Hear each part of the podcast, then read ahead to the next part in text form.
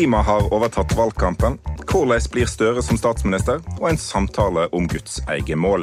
Velkommen til Noen må gå, en podkast for Bergens Tidende. Med meg i studio har jeg Gerd Kjellflot. Hei! Og nå er Jens Kiel tilbake her òg. Hallo i Løkkeluken. Og du, Morten Miksvold, sitter der borte med alle dine konsoller. Har du det fint? Ja, jeg prøver å ta opp denne lyden. Vet du hva, Jeg syns du lykkes. Eller det vet jeg jo egentlig ikke noe om. Ja. Har, Ja. du, ja, har du det bra, Geid? Det går fint. Ja. Eh, jeg tenkte jeg skulle begynne denne uka med å fortelle en eh, eh, personlig anekdote. Eh, Er vi liksom på de blå sidene hjemme? Sånn der 'det hendte meg'? Ja, det er vi. Det er jeg litt usikker på om denne Jeg tror denne historien blir litt refusert. Men, jeg, men vi tar den her, for her er vi ikke så kresne. Nei, men øh, øh, Denne uka når jeg scrolla nedover Facebook-feeden min, så skjedde det noe litt rart. Nem- Rull, rulla nedover Facebook-strømmen? eh, ja. Straumen. Herregud. Ja, ja. Folk skjønte hva jeg mente. Um, så øh, dukker det da opp masse innlegg fra Eller masse, det var i hvert fall flere innlegg fra Høyre-politikere i forskjellige art. Både Facebook-innlegg og kronikker som var delt, osv. Der de ser Å, jeg er så redd for klimaendringene, derfor stemmer jeg Høyre. Fordi Høyre er det ekte klimapartiet nå. Ehm, Var dette hele historien? ja. Ja, ok, Den ville åpenbart bli refusert.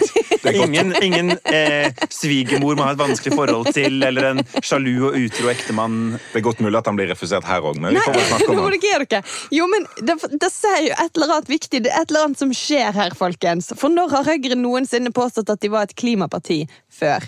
Det skjedde skjedd denne uka. Ja, det hender jo de har sånn eh, lørdag formiddag på landsmøtet, så er den store skjermen i bakgrunnen er sånn grønn, og så står det noe sånn eh, Vi skal omstille, ikke, Ikke- nedstille, eller et eller annet sånt slagord som noen har funnet på. Fordi Ja. Støre har tatt uh, utvikle, ikke avvikle, så Ja. måtte de finne på et annet. Ja, det er akkurat det. Det, det er helt umulig å skille de fra hverandre, men eh, det er nok sant.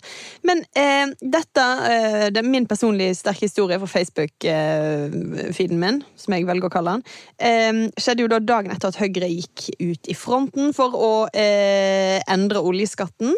Eh, sånn at, altså, Kort fortalt blir det mindre lønnsomt å lete etter mer olje. Men vi skal snakke litt mer om det. Men eh, hvordan skjedde dette? Hvordan måtte Høyre kaste seg på eh, i klimakampen? Altså Hvis vi skal tro det som har kommet fram etter denne pressekonferansen, så var det jo ikke liksom, helt nytt at Høyre eh, jobba med dette her, i hvert Nei. fall. Det har, det har de jobba med lenge, og, og det var jo et landsmøte i Høyre i vår der eh, det var vel Unge Høyre som hadde et, en dissens på eh, leterefusjonsordningen, og gjerne mindre attraktivt å, å lete etter olje. Og det ble avvist, og, og Høyre-ledelsen var veldig sånn, tydelig på at dette er et dårlig forslag. Tina Bru sa at uh, vi mener det vi har ment alltid, at rammevilkårene er bra som de er i dag, og at det gir en utvikling på sokkelen som vi er tjent med. Ja, men inni hjertet sitt så mente hun ikke det. Nei, for hun satt faktisk og jobba med dette forslaget eh, samtidig. Ja. Hun bare kunne ikke si noe pga. at det var børssensitivt, Ja. ifølge Jan Tore Sanner. Ja. Det er det jo åpenbart, da. Ja. Jo, men, sånn- men en trenger jo ikke si at regjeringen jobber med forslaget, men en kan jo si at en støtter eh, intensjonen, og så sier Sanner nå at eh, forslaget for Unge Høyre var dårlig skrevet. Fint, fin tilbakemelding. Det er et Det er sikkert ungdomsparti. fordi de ikke flukter med sidemålstimene. Ja. Eh, Men de kunne jo ha liksom, bidratt til at forslaget ble bra og vedtatt, og så kunne regjeringen på en måte starte eh, utredningen av det. Ja. Sånn Det er er ikke det i. Høyre og Arbeiderpartiet. Det gjelder å liksom stemme ned alt som er eh, gøy, og så etterpå i smug så går man for det selv. Ja. Ja. Men, men ok, men, men, greit, vi kan gå mer inn i hva akkurat dette her handler om, for nå har du allerede gjort det, egentlig. da. Litt så vi, ja, så vi må, vi må prøve å forstå hva det egentlig dreier seg om. Og da tenker jeg at vi først hører på hva finansminister eh, Jan Tore Sanner eh, sa når han la fram dette denne uka. Forslaget vi legger frem i dag, innebærer kort sagt at dagens regler for avskrivning og friinntekt i særskatten fra og med neste år blir erstattet med en kontantstrømskatt med umiddelbart fradrag for investeringskostnader. For en populist! Altså, Altså, det er Kort forklart. Ja. Og så bare masse ord.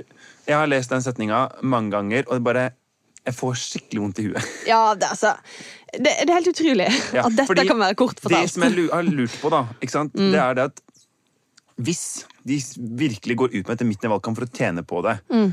så eh, Hvorfor har de så dårlige spinndoktorer på jobb? Altså, Dette er jo helt umulig å forstå. Eh, og de her pressemeldingene og det som er lagt, fra, lagt ut, var jo også helt sånn eh, Gjør endringer i eh, friinntekt og bla, bla. Altså, eh, de kunne ha skrevet det som avisen etter hvert klarte å få ut av det, nemlig gjør det litt mindre attraktivt og Leite eh, etter mer olje. For det, det Sanner òg sier, der, der han faktisk klarer å uttrykke seg kort og konsist og, og, og forståelig, er at skattesystemet skal være nøytralt.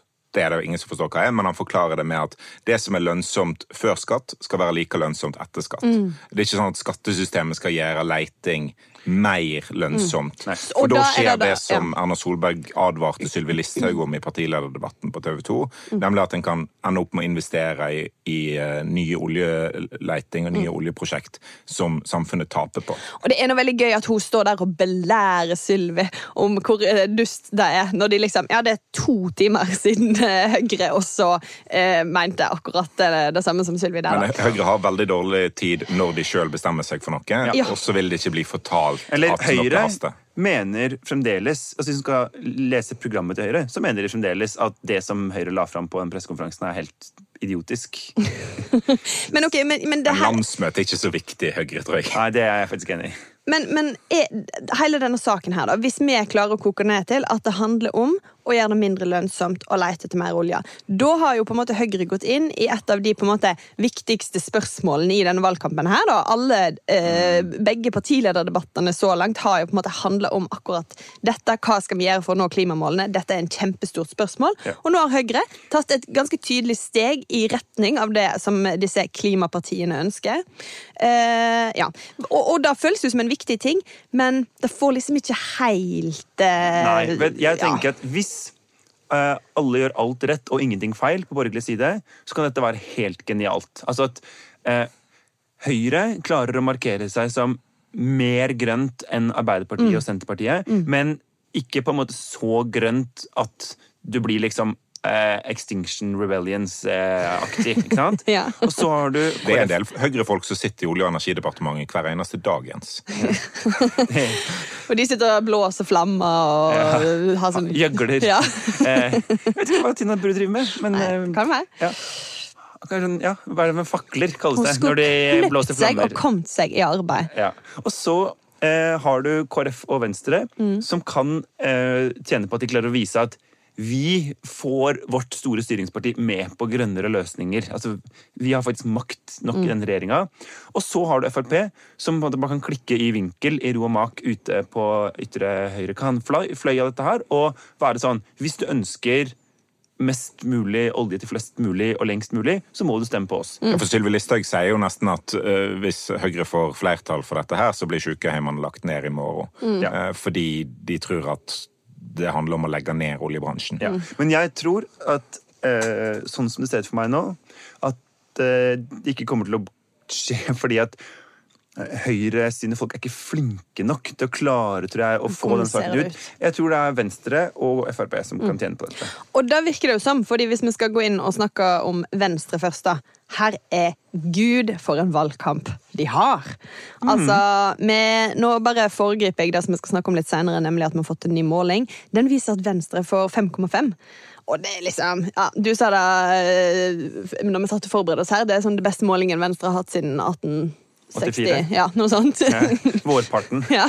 Eh, Det var mens de var det eneste partiet i Norge. For Ja. På høsten så kom jo Høyre, og etter det så ble det bare en sammenhengende nedtur. Ja. Den er nå brutt, og nå er de på vei opp igjen. Så gi de 130 år, så får de Rent flatterlig igjen? Ja.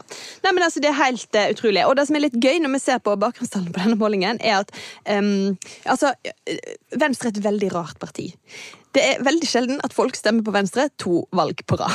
Veldig sjelden. På denne målingen her så har de altså klart, de som har ringt rundt, å finne flere folk som stemte Høyre forrige gang, som nå skal stemme Venstre, enn Venstre forrige gang, som nå skal stemme Venstre. Altså, ja. Eh, det er rett og slett flere Høyre-velgere som da går til Venstre. Og det er, er bra for Venstre, men det er jo ikke så bra for Høyre. da. Som Ja. igjen, eh, bare for å gå tilbake igjen til hvorfor Høyre plutselig blir et klimaparti. Eh, dette kan være en viktig forklaring. Fordi den lekkasjen til Venstre er begynt å bli et problem for hvis, Høyre. hvis Høyre uansett forbereder seg på fire år i opposisjon, der Arbeiderpartiet skal samarbeide med, med Senterpartiet, som vil måtte, dra beina etter seg når det kommer til klimatiltak, og har SV og kanskje MDG som vil være mer eh, pro klimatiltak, så kan det være fornuftig for Høyre å, å gire litt om og bli litt mer eh, klimavennlige.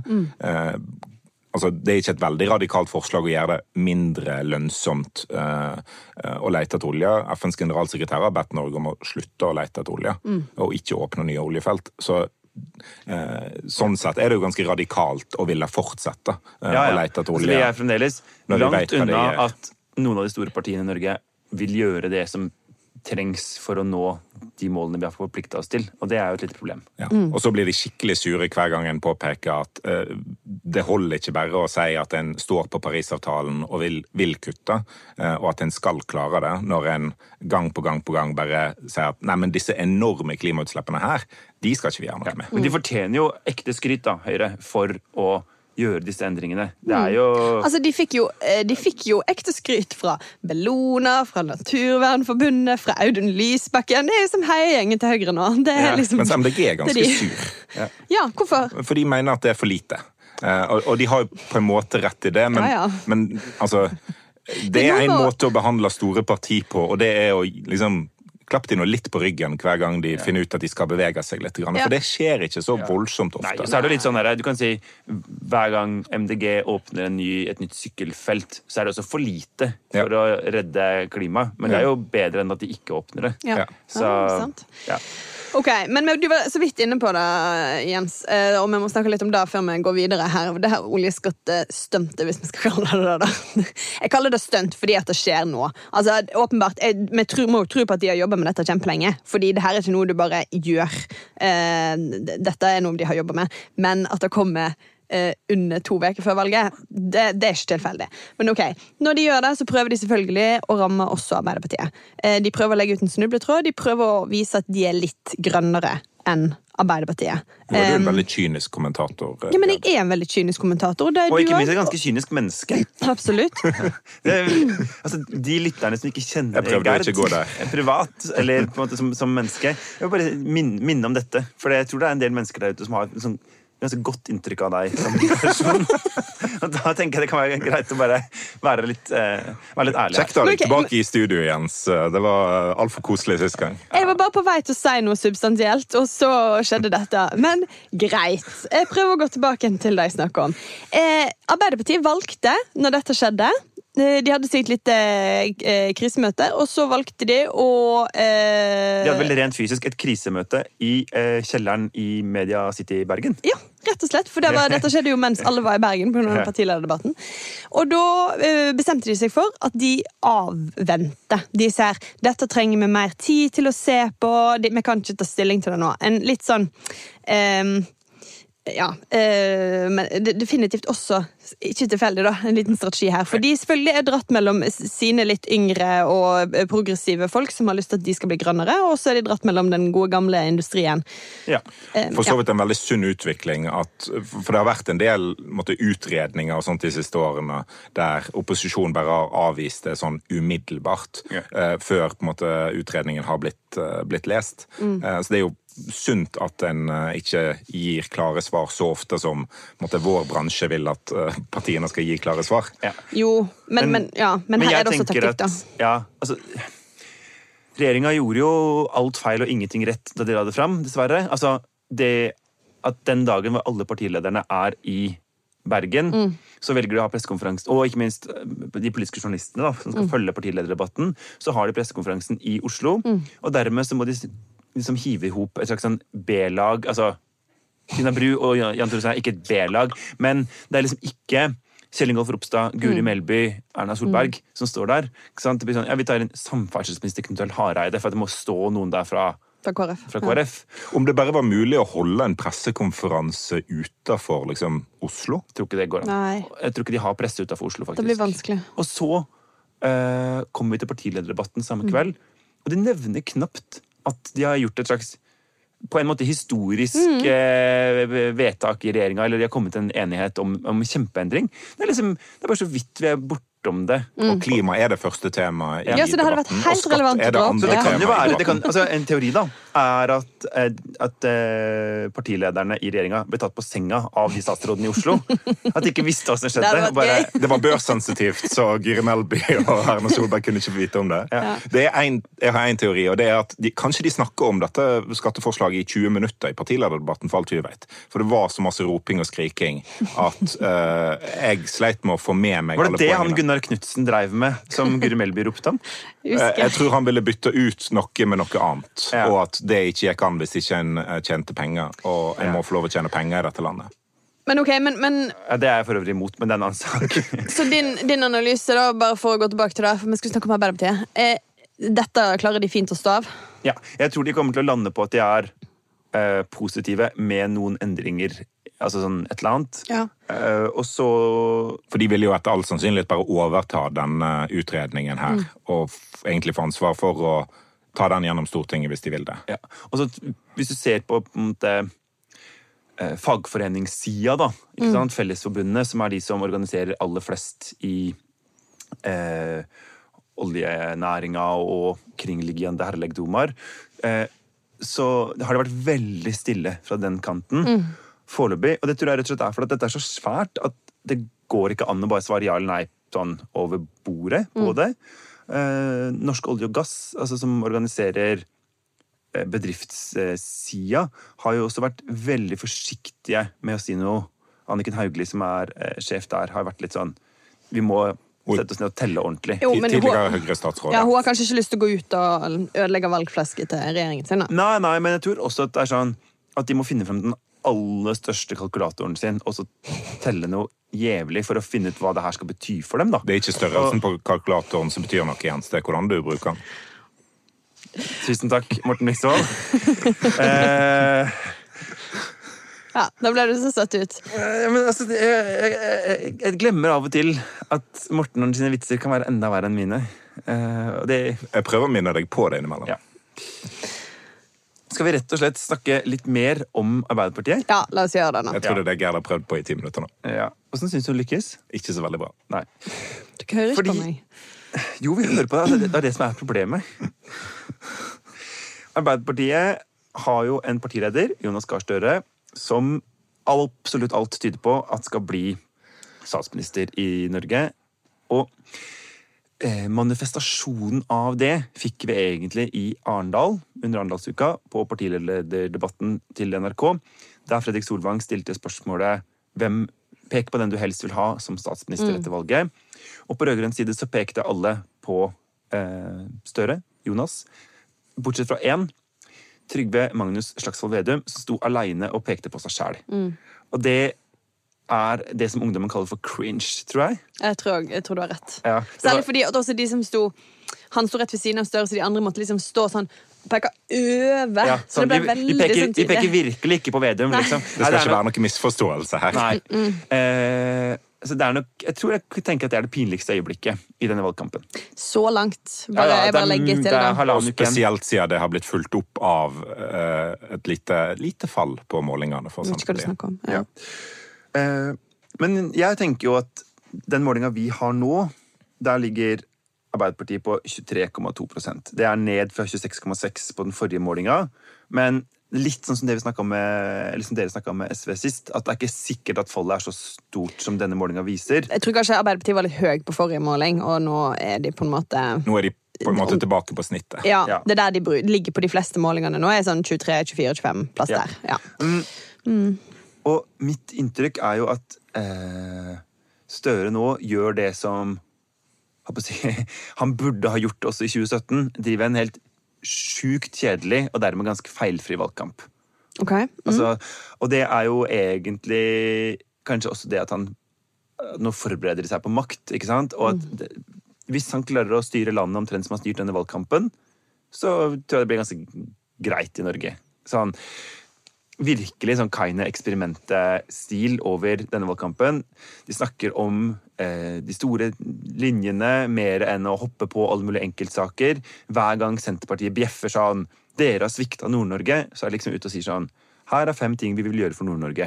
Bare sånn super eh, nedpå. Og nå i partilederdebatten så tok jo Støre Vedum på at ja, du kan snakke så masse du vil om det der sykehuset oppe i Alta, men dere har ikke bevilga penger til det, og det er det som betyr noe. Ja.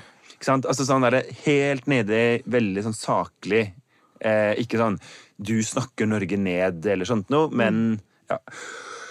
Og det Jeg tenker jeg er eh, eh, Det er litt sånn annen Støre enn vi har sett før. Men Han var jo ganske sikker på å bli statsminister i, i 2017 òg, og da hadde han jo et litt sånn eh, ikke feilfritt øyeblikk, da, når han eh, sa til Erna Solberg at når du går av som statsminister etter valget ja, den der, en, en avtroppende statsminister bør lytte til en påtroppende Ja. eller noe sånt noe. Og sånn som den der partilederdebatten i Arendal, hvor han var sånn offensive køddestøre. ja. Det er ko-ko, eh, var vel høydepunkt i den debatten. Ja. Jo, men sant, dere var avbrøt eh, Erna Solberg hele tida. Det er litt med en annen fyr vi ser nå. Ja. Eh, og litt sånn uh, Ap-spinndoktorene tror jeg er litt sure på oss i pressa for at vi skriver og snakker for lite om Støre og Arbeiderpartiet. Men det er jo litt også kanskje bare at ikke sant, Sånn som den sykehusplanen de la fram på Haukeland eh, i går onsdag, som var litt sånn her er sju ting som vi lover eh, å jobbe for hvis vi vinner valget. Sant? Litt på fødetilbud, litt på styrke offentlig mot privat, litt på hele stillinger. altså sånn, Fagforeningen er fornøyd med denne sikkert, distriktene er fornøyd med denne sikkert, eh, fødende kvinner, eh, eldre, personer med kreft. altså liksom de sånn, Veldig sånn Litt til alle. alle de store gruppene ser på den planen og tenker ja, dette blir fint. Men, liksom. men men, ok, jeg, jeg skjønner hva du mener. Du mener at det er veldig bra og lurt at de sitter stille i båten. Men, og, og da tenker jeg sånn, ja, ok, det funker denne gangen. Jeg er litt sånn uenig med deg at, da, at de burde valgt den strategien forrige gang. Fordi sitte stille i båten funker veldig godt fordi at nå i år så er det på en måte den hellige åtteårsregelen i kraft. Eh, og det er bare at ingen statsministre kan sitte lenger. Det bare funker ikke. Så på en måte Eh, altså, Høyre kan prøve alt de vil. De borgerlige kan prøve alt de vil. Det er for langt fram. Det, folk er for leie. det. Jeg vet ikke. Det er bare, De har ingen tiltrekningskraft lenger. Sånn at eh, Dermed har Ap fått noe gratis. Og så tenker jeg den strategien som de har valgt tru, altså, Den er jo valgt i et tidsrom der ting så ganske annerledes ut. Der Senterpartiet rett og slett gjorde hele jobben for dem og henta alle velgerne fra borgerlig side over. Og da fungerte den dritbra. For da eh, hadde de kjempegod margin på rød-grønt flertall. Alt var på en måte chill. Eh, Selvfølgelig Arbeiderpartiet kunne tenkt seg å vært litt større enn Senterpartiet, og da, da har de på en måte nå. Men nå har de ikke engang et rød-grønt flertall. Så ok, den funker. Han blir statsminister, men han blir ikke statsminister på den komfortable måten han hadde tenkt at han skulle bli på. Nødvendigvis. Fordi at hvis de må ha støttepartier og, øh, og ikke får flertallsregjeringen sin, så blir ting litt kjipere. Så Ja. ok, den funker. Han blir statsminister, og det er kanskje det viktigste liksom, tross alt nå. Men, eh, men det er ikke noe sånn fantastiske oppskrift som liksom for på- blåser meg av banen. Nei. På denne målingen som, som BT presenterer i dag, så har Arbeiderpartiet, Senterpartiet og SV 83 mandat. Og de, Ja.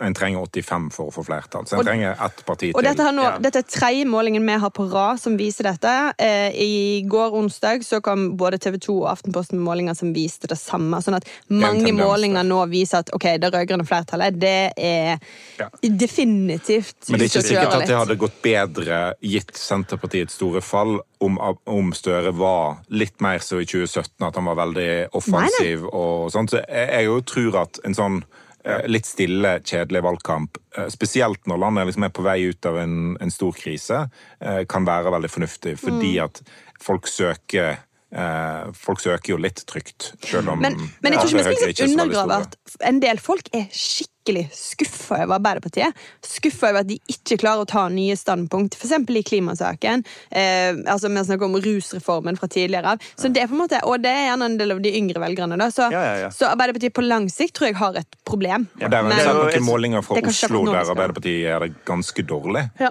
Grisedårlig. Og, og Venstre var over 10 i, på en Oslo-måling. Ja. her. Det som i hvert fall folk i Venstre sier til meg, er jo at akkurat det som du sier nå, Gerd, at i tillegg til klimasaken som dominerer denne valgkampen veldig, Mm. så er det mange av de som melder seg inn, eller som eh, kommer bort til den på standen og sånt, nå, som snakker om rusreform. Mm. Ja. Altså, det er rett og slett griseskuffa over Arbeiderpartiet i den saken. For- og det ja. er jo typisk en sånn sak som Det er ikke sikkert at den mobiliserer så innmari på Battenfjordsøra, men eh, I de store byene. i storbyene, der bor jo flest folk. Ja. Der mobiliserer den saken. Eh, Ja, jeg tror det.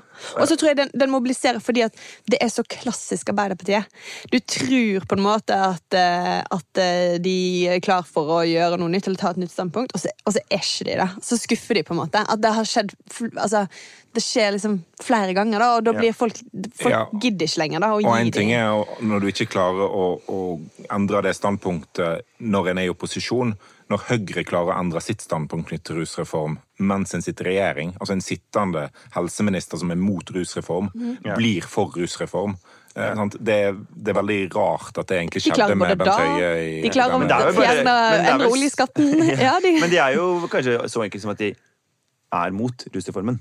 Eh, De har jo vært veldig positive tidligere. Ja, men det handler ikke om å ikke klare altså rett og slett, Landsmøteflertallet mente ikke Jeg tror ikke det finnes et skjult og hemmelig flertall i landsmøtesalen. Nei. Det kan jo hende det, siden det var et skjult og hemmelig eh, standpunkt i Høyre om, om oljeskatt. Så Ja.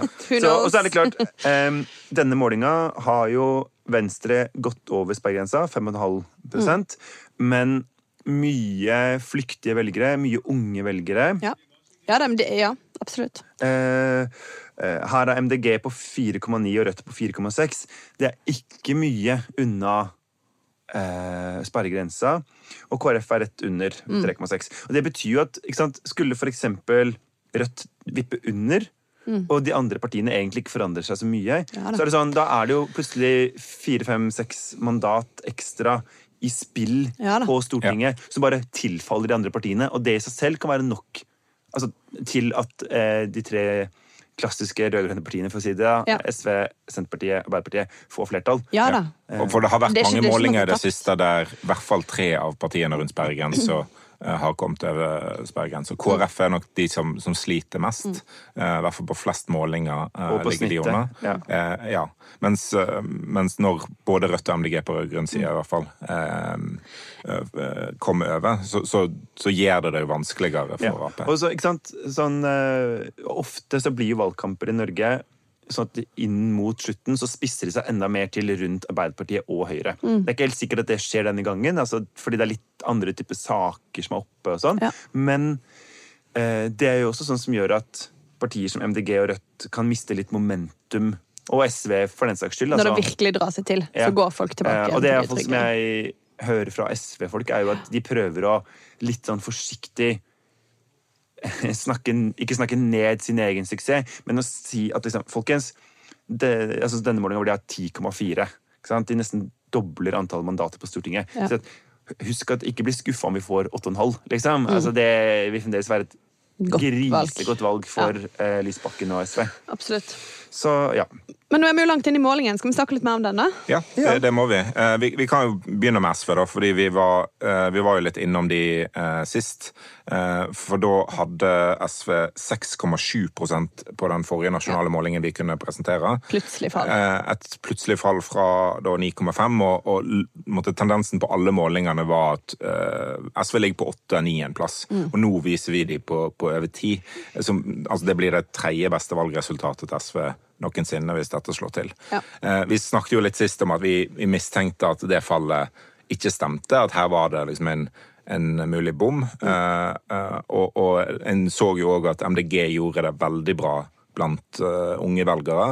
Nå har det på en måte snudd litt, grann, at SV er de som gjør det ganske bra blant unge velgere, og MDG eh, litt dårligere, for de er litt mer jevnt utover aldersgruppa. Som er, liksom, står litt i motstrid til det. Men det er veldig vanskelig å måle dette. Ja da. Altså, når du tar 1000 respondenter og deler ned på eh, ni partier pluss gruppe andre pluss veit ikke, Mm. og så tar du et av de minste partiene, og så begynner du å dele opp det i, I alder. alder, da er det, begynner det å bli skrint i Vi ja. vi skal ikke legge for masse vekt på denne, men bare se på liksom, Men ja. retningen. Ja. Ja. Men det er klart, altså, i sånne målinger du ser jo noen tendenser. Ja. Altså, Senterpartiet, som her får eh, 12,6% som er Mm. eh, ja, omtrent der de ligger på snittet av målingene ellers nå. Ja. Eh, det virker som det store fallet har stoppa litt opp. Det tenker jeg, ja, De har stabilisert seg nå, og det er noen veldig Ja. gode nyheter for deg. da. Ja.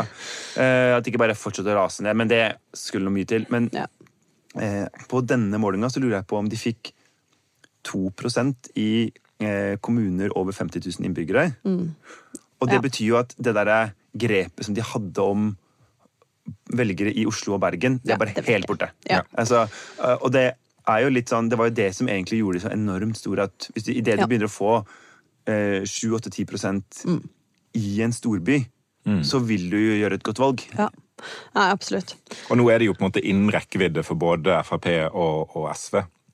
Ja, at de ligger ganske likt, alle disse tre partiene her. Og det viser jo et- Enormt skifte fra liksom, landsmøtesesongen, når det var snakk om at Senterpartiet kan bli landets største parti. De er Ja. i hvert fall kniver med Høyre og Arbeiderpartiet om å være der oppe. Og nå er de på en måte i kamp om tredjeplassen. Mm. Og det er, det er urealistisk, men det er mulig at de blir det femte største partiet. Ja. Frp da, eh, er jo dritglad for Theo, fordi at de nå ligger på ja, 11-tallet på mange målinger. Eh, og det er jo ikke et resultat du egentlig kanskje ville tenkt at Frp var grisfornøyd med, men med utgangspunkt at de har vært nede på hva da? Sju?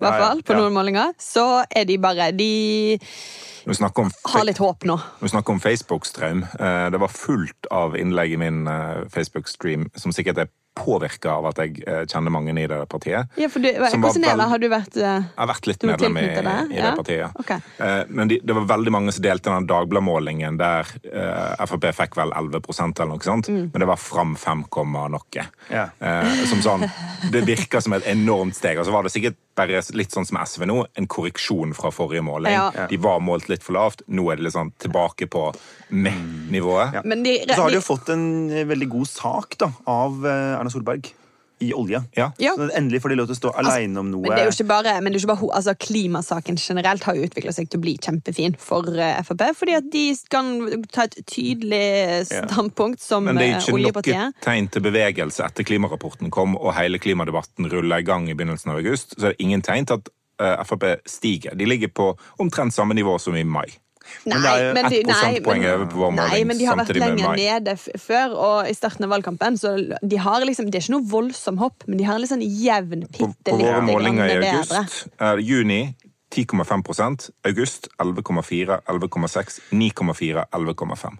Jo, det der flott. tipper jeg at veldig mange lyttere fikk eh, mye ut av. Bare høre en uendelig serie med tall. Ja, ja. Men poenget er det er rimelig flatt. Fra begynnelsen av august til i dag, Ja. ingen bevegelse.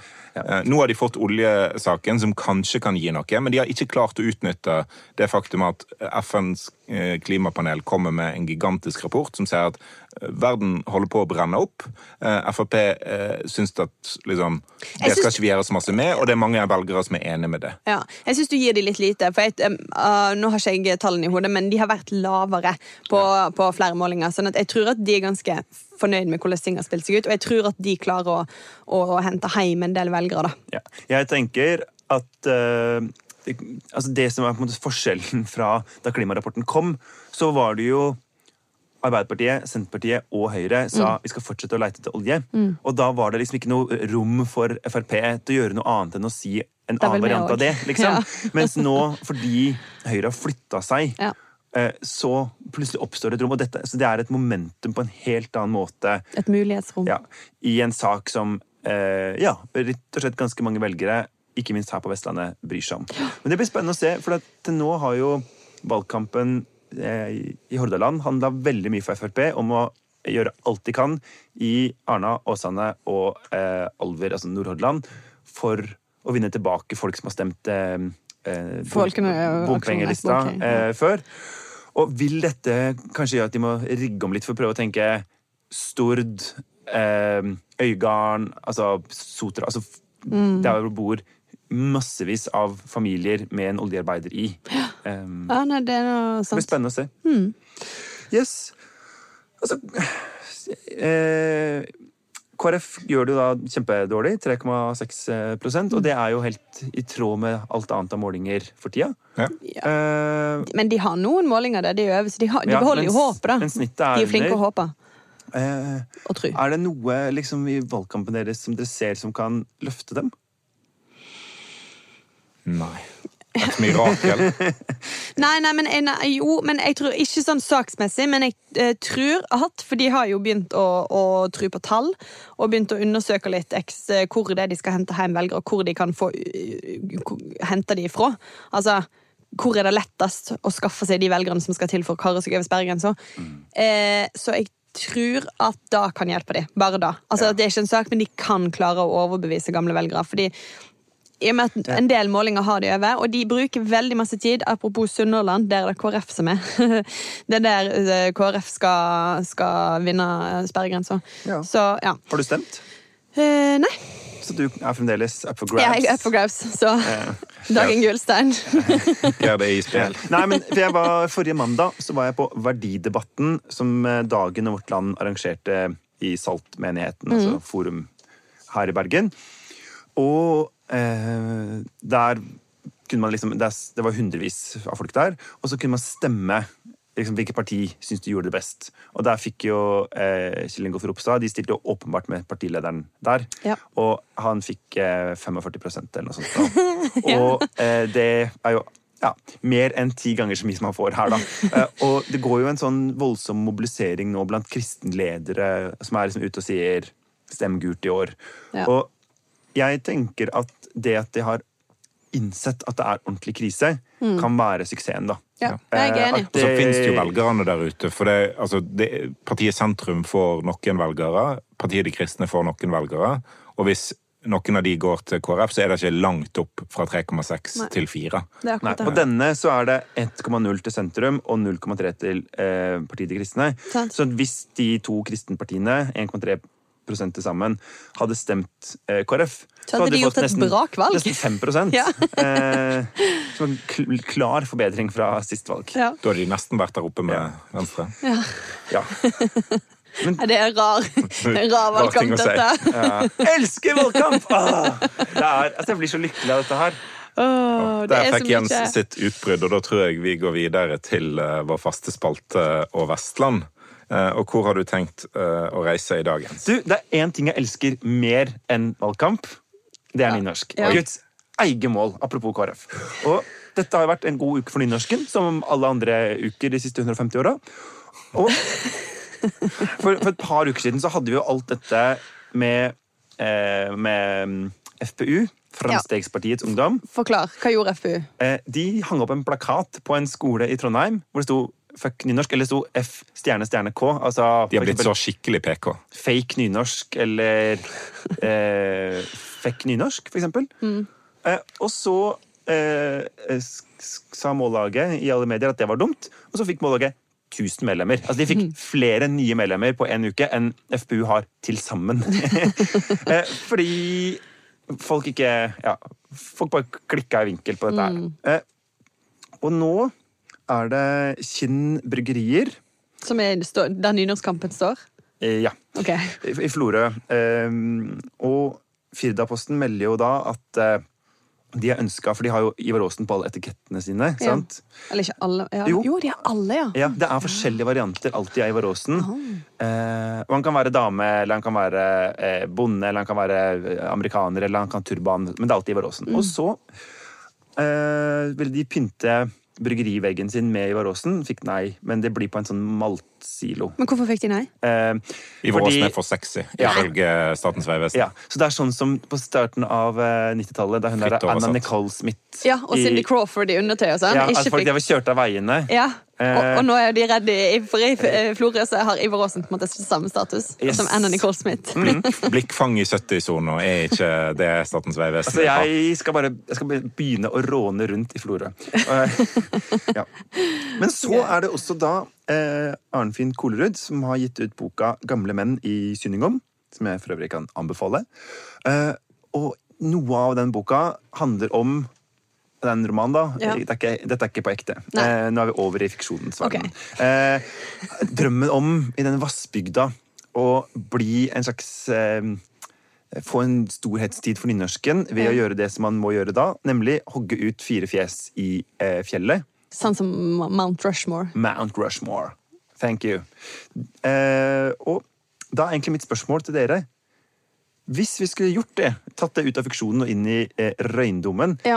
hvilke fire fjes burde vi hogge ut for å gi det der siste lille piffet før det rakner helt for bokmålet? Bare et spørsmål bare for å liksom avklare noe. Er, er dette fjellet i nærheten av ei 70-sone?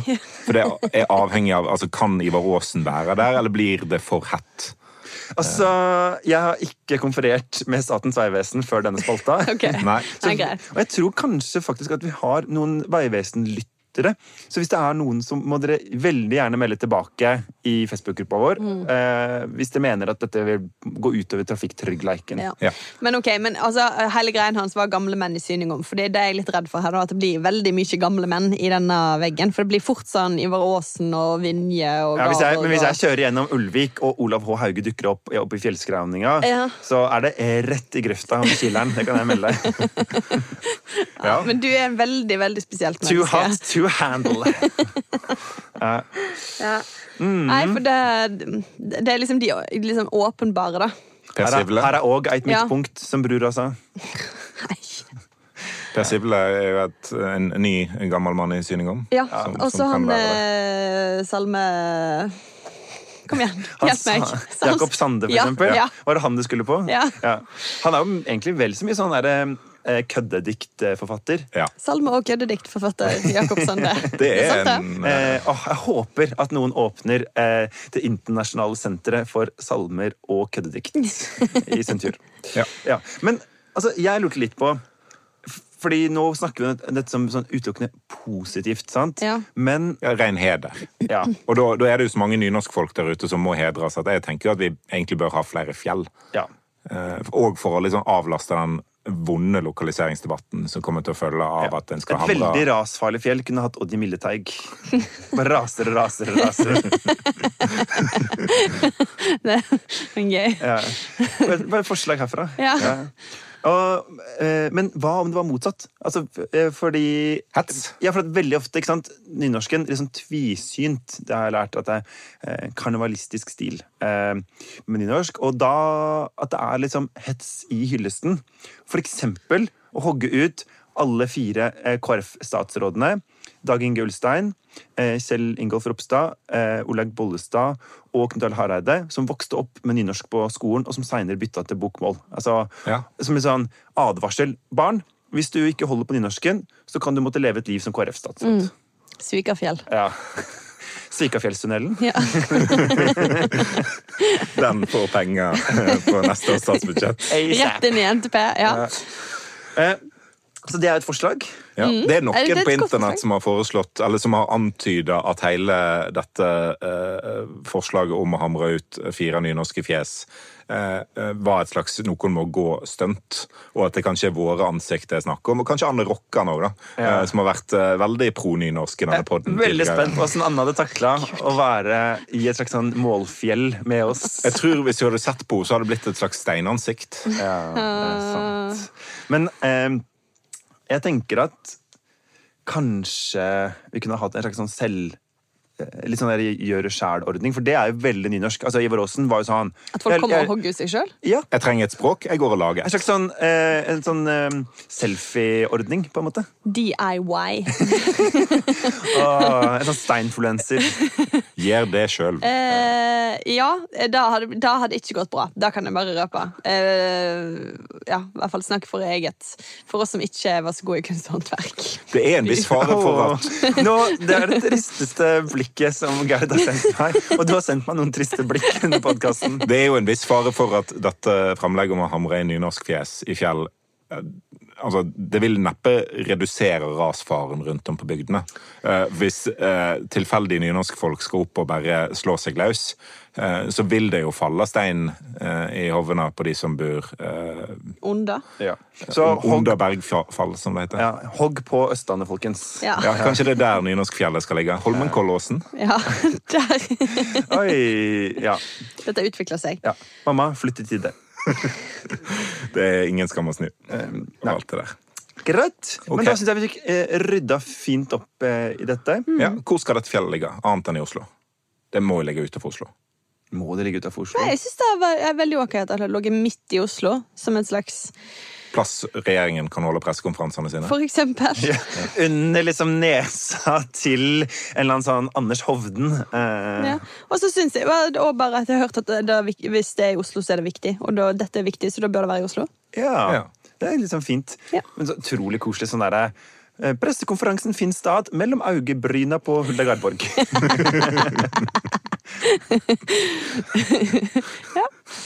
Det var fint fint. Ja.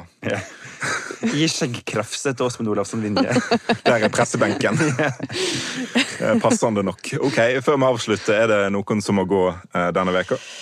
Ja, altså, jeg, jeg eh, Da jeg jobba med dette her og tenkte på det at alle fire KrF-statsrådene altså Tenk at du liksom Jeg tror går de måtte har måttet gå en gang tidligere. ja, men, ja, men det er bare det er, det. Tenk at du på en måte stiller til valg for et parti som liksom t tror på noe, står for noe. Mm. Og så er du bare selv sånn Nei, jeg står ikke for noen ting.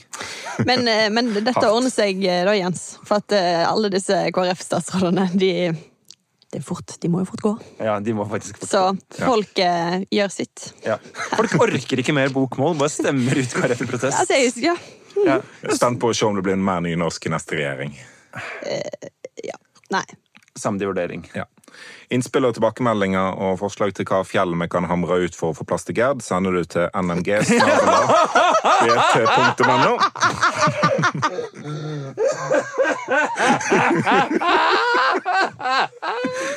Det kom ut litt feil, ja. Det sa brura. altså, det der er det verste jeg har hørt. Jeg slutter snart. Altså, gir meg. Jeg gidder ikke dette her lenger. Vi tar den på nytt.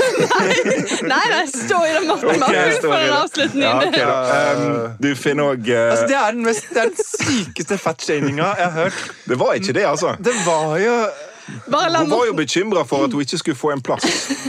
la oss bare bli ferdig med dette Ja. nå. Vi er tilbake med neste episode på torsdag i neste uke, hvis ikke bandet har brutt sammen innen da. Intromusikk det var bergenser av Bjørn Torske. Produsent er Arve Stigen. Du finner podden i BT-appen eller hvor enn du laster ned podkaster fra verdensveven. Ha det bra. Ha det godt, Morten Viksvold. Hei da.